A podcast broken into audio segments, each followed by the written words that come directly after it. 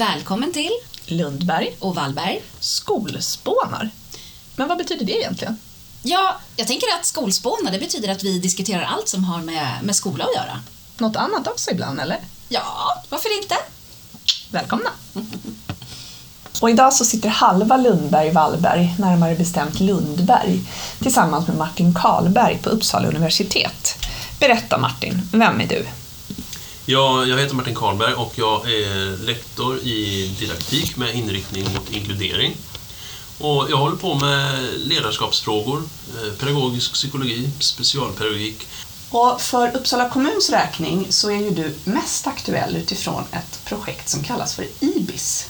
Berätta, vad är IBIS? Ja, IBIS står för inkluderande beteendestöd i skolan. Och eh, vi håller nu på, Uppsala universitet och Uppsala kommun, att tillsammans utveckla en svensk version av ett program som har funnits i USA kanske i 25 år. Och eh, det här programmet som då heter Positive Behavior Support, och det finns även andra varianter, eh, är synnerligen väl utvärderat. Och för en 10-15 år sedan så tog norrmännen och skapade en egen version. Och den här norska versionen håller vi nu på att anpassa till svenska förhållanden. Och då samverkar vi då med Norge. Så vi skickar instruktörer på utbildning i Norge och sen så utbildar dessa instruktörer då eh, team på de olika skolorna. Så tanken är att den här kompetensen som sen kommer att finnas på skolorna ska ägas av skolorna och inte av instruktörerna. Så, så skolor ska bli självförsörjande på den här kompetensen. Och det här med att man har instruktörer som sedan utbildar skolor, hur går det till rent praktiskt? Hur ofta träffas ni? Vilka forum, former? Ja, eh, instruktörerna de träffar, eh, de träffar team på skolorna. I de här teamen så ingår alltid rektor.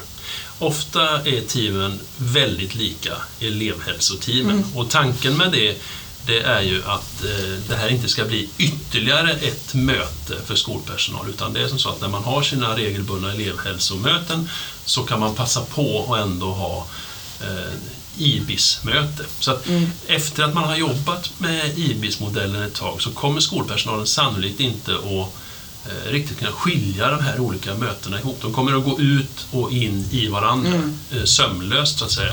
Och det är ju det som är målet. För att vi vill inte ersätta elevhälsoarbetet, vi vill snarare bara tillföra eh, vad forskningen har sagt är effektivt i elevhälsoarbetet. Sen ingår de här olika IBIS-teamen som vi kallar dem, sen ingår de i ett nätverk också så att de träffar ju dessutom i sin tur andra IBIS-team ungefär en gång per termin. Då vi erbjuder Eh, föreläsningar och möjlighet till fördjupning och utbyte av erfarenheter och sådär. Så eh, för skolorna så ser det väl ut som så att de har möten varannan vecka ungefär. Då de låter IBIS-frågorna vara en del av elevhälsoarbetet. Eh, sen träffar de instruktören ungefär lika ofta och sen så träffar de forskargruppen här och får föreläsningar och möjlighet till fördjupning ungefär en gång per termin. Mm. Och du är en del i forskargruppen. Jag är en del i forskargruppen. Sen har vi dessutom, jag har en kollega som heter Nina Klang här på institutionen som också är del i forskargruppen. Sen har vi en eh, psykolog som heter Kata Nylén som är expert på implementering. Och sen har vi ytterligare en eh, person som heter Lydia Kvack som jobbar på Karolinska institutet där hon är docent. Och hon är då expert på implementering och eh, arbetsmiljö. Okej, Så att vi har en väldigt fin grupp med mm, forskare. verkligen. Ja. Och många olika ingångar tänker jag i det här projektet. Ja, och det här med lärares arbetsmiljö tycker vi, det är ju centralt. För Ja.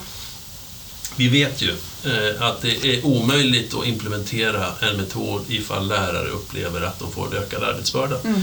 Eh, och, eh, så vi, vi måste helt enkelt se till att förutom att vi skapar ökad trygghet och förbättrade skolprestationer så måste vi se till att skapa en arbetsmiljö för lärare där det här är görligt. Du pratar om att det här är ett projekt som har pågått länge i USA och även i Norge. Och vad har tidigare forskning visat från eh, de länderna? Ja, både i USA, framförallt i USA, men också i Norge har man kunnat visa att eh, den här typen av modeller leder till färre beteendeproblem hos elever i skolan. Man kan också visa att eh, eh, skolor som arbetar på det här sättet eh, får förbättrad arbetsro. Det blir lugnare i klassrummen och elever ägnar mer tid åt lärande. Och det finns också forskning som visar att den här typen av modeller leder till minskad frånvaro, minskad mobbning. Men kanske viktigast av allt tycker jag då, ja, vid sidan av ökad trygghet, så är att den här typen av modeller också leder till förbättrade skolprestationer. Och det är väl sannolikt som så och det är inte så konstigt att, eller så svårt att förstå. Det är väl som så att om man känner sig, om man känner sig tryggare mm. och har ökad arbetsro så blir det lättare att ägna sig åt skolarbetet och då lär man sig mer. Mm. Och just nu, det här är då ett samverkansprojekt som Uppsala kommun satsar ganska mycket på. Så då har vi för närvarande tre stycken så kallade instruktörer som kan utbilda team på de olika skolorna. Mm. Och det kommer sannolikt att bli Eh, en eller ett par instruktörer ytterligare inom kort. Hur många skolor är det som är engagerade i det här projektet? Just nu är det nio skolor. Det är sju kommunala skolor och två friskolor. Och sen så har vi rekryterat ungefär ett dussin skolor till som kommer att vara delaktiga från hösten 2019. Så det är ju... Ja, och sen så kommer det då tillkomma förmodligen några friskolor så det kan bli upp mot 30 skolor kanske. Spännande. Ja. Och det här startade nu 2019, 2018? Ja, själva projektet startade ju 2018 eh, och implementering i skolan började under hösten 2018. Så att nu, de skolor som är inblandade de har ju fått vara delaktiga i lite drygt ett halvår. Då. Mm. Och vi har, identifierat, eh, vi har identifierat brister i programmet, vi har identifierat brister i implementeringen men det var vi förberedda på. så att de här nio skolorna har helt enkelt varit i högsta grad delaktiga i att utveckla programmet. Och det gör ju då att vi kommer att kunna erbjuda ett program som är anpassat för svenska förhållanden, utvecklat av svenska forskare och svenska skolor. Och när du pratar program, vad, vad syftar programmet till att få för god utväxling i skolan? Ja, eh, Ja, jag sa program tror jag, men man skulle nog kunna kalla det för modell också, eller förhållningssätt. För att mm. det är inte ett program i den bemärkelsen att man implementerar det och sen så eh, glömmer man av det eller att det är någonting man jobbar, på, jobbar med på fredag förmiddag, utan det är ett övergripande förhållningssätt för skolan att skapa en positiv och ett inkluderande eh, lärarklimat. Så det handlar om positivt och inkluderande lärandeklimat. Eh, och då skapar man det genom några olika centrala komponenter. En sån här central komponent det är att hela skolan samverkar mm. för att skapa det här positiva och inkluderande klimatet. En annan viktig del är att man bedriver det man kallar för datadrivet beslutsfattande. Eh, det syftar då på att man ser till att först bestämma vad är det vi vill göra och sen så bestämmer man i nästa steg, hur vet vi ifall vi når det målet eller inte? Mm. Och på så sätt så kan man då skapa en ökad uthållighet i sin strävan att arbeta med ett visst, mot ett visst mål. Eh, jämfört med ifall man inte mäter, för då är det lite svårare då att veta ifall man får någon effekt eller inte. Mm. Hur ofta gör man de här eh, mätavstämningarna? Ja, då kan vi skilja på två olika typer av mätningar. Den ena typen av mätningar är ju de forskningsmätningar som kommer att utföras och de kommer att utföras två gånger om året. Mm. Sen kommer skolan att utföra både kortsiktiga mätningar och lite mer långsiktiga mätningar och det beror ju på vad det är man vill utvärdera. Om man till exempel eh, vill påverka hur, hur elever och lärare beter sig i matsalen så kanske man vill ha ganska snabba resultat och man kanske mm. har ganska snabba verktyg. Då kanske, det då kanske man ska se till att eh, ha mätningar som ganska snabbt följer upp. Då, då handlar det om veckovis. Däremot om det handlar om att elever ska uppnå målen och få ökad måluppfyllelse så är det kanske inte meningsfullt att mäta dem riktigt på veckobasis. Däremot kan man givetvis med fördel mäta delmål vad det gäller kunskap. Till mm. exempel. Mm. Finns det en övergripande målbild för alla skolor som ingår i projektet eller skräddarsys de här korta och långsiktiga målen för varje skola? Det finns en övergripande målsättning och det är att skapa ett tryggt eh, klimat i skolan, Så elever ska känna trygghet, de ska få struktur, det ska finnas tydliga rutiner, det ska också finnas tydliga förväntningar på vad elever, både hur de ska bete sig och vad de ska prestera. Mm. Sen är det givetvis som så att det skiljer sig från elev till elev och det skiljer sig mellan skolor. Så, så, att de skiljer sig åt där också. Så att även ifall man har någon slags övergripande mål för alla skolor eh, om att skapa de här förutsättningarna för lärande så kommer man ju kanske att börja från olika utgångspunkter och då kommer mm. målen att se lite annorlunda ut. Mm. Du har varit inne på ord som värdegrund som är någonting som är välkänt i skolan, men pratar också om lärande. Tittar man bara på det som man kanske brukar kalla mjuka värden som har mer emot värdegrund, eller tittar man också på faktiska kunskapsresultat kopplat till betyg och den typen av mätningar?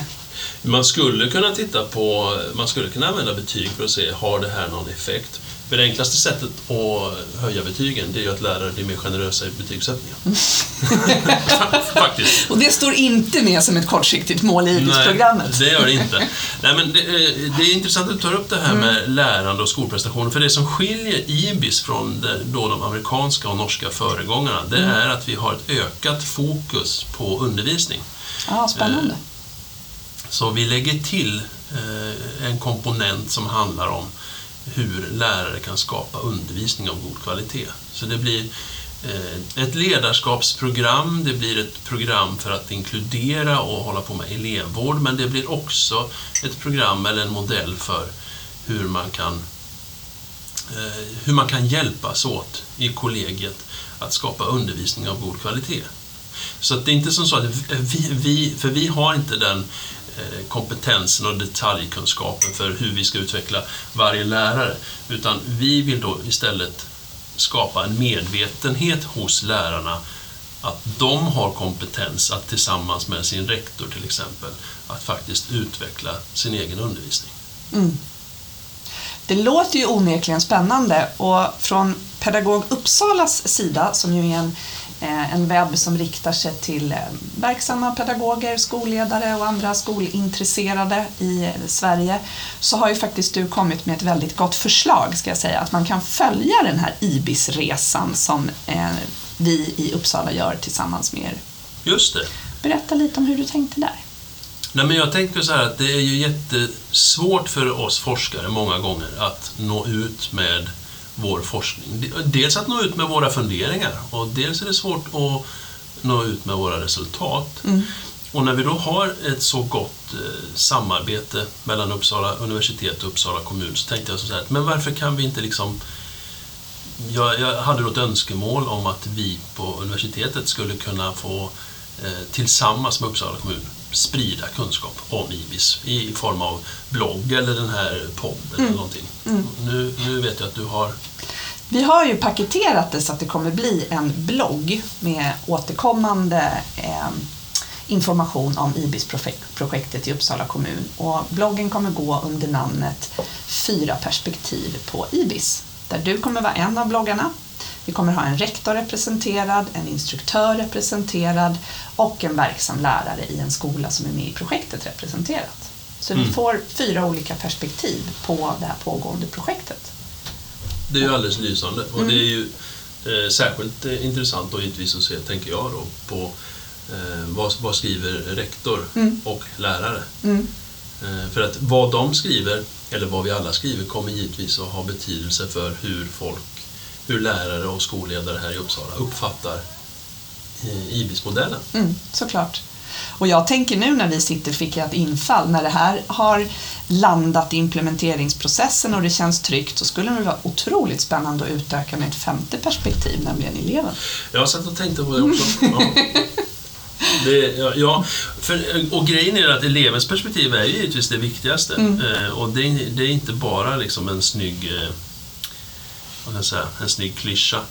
Utan det är som så att den här typen av samverkan, detta, denna utveckling av inkluderingsarbetet, av lärares undervisning, av elevhälsoteams systematiska arbete med att skapa förutsättningar för alla elever.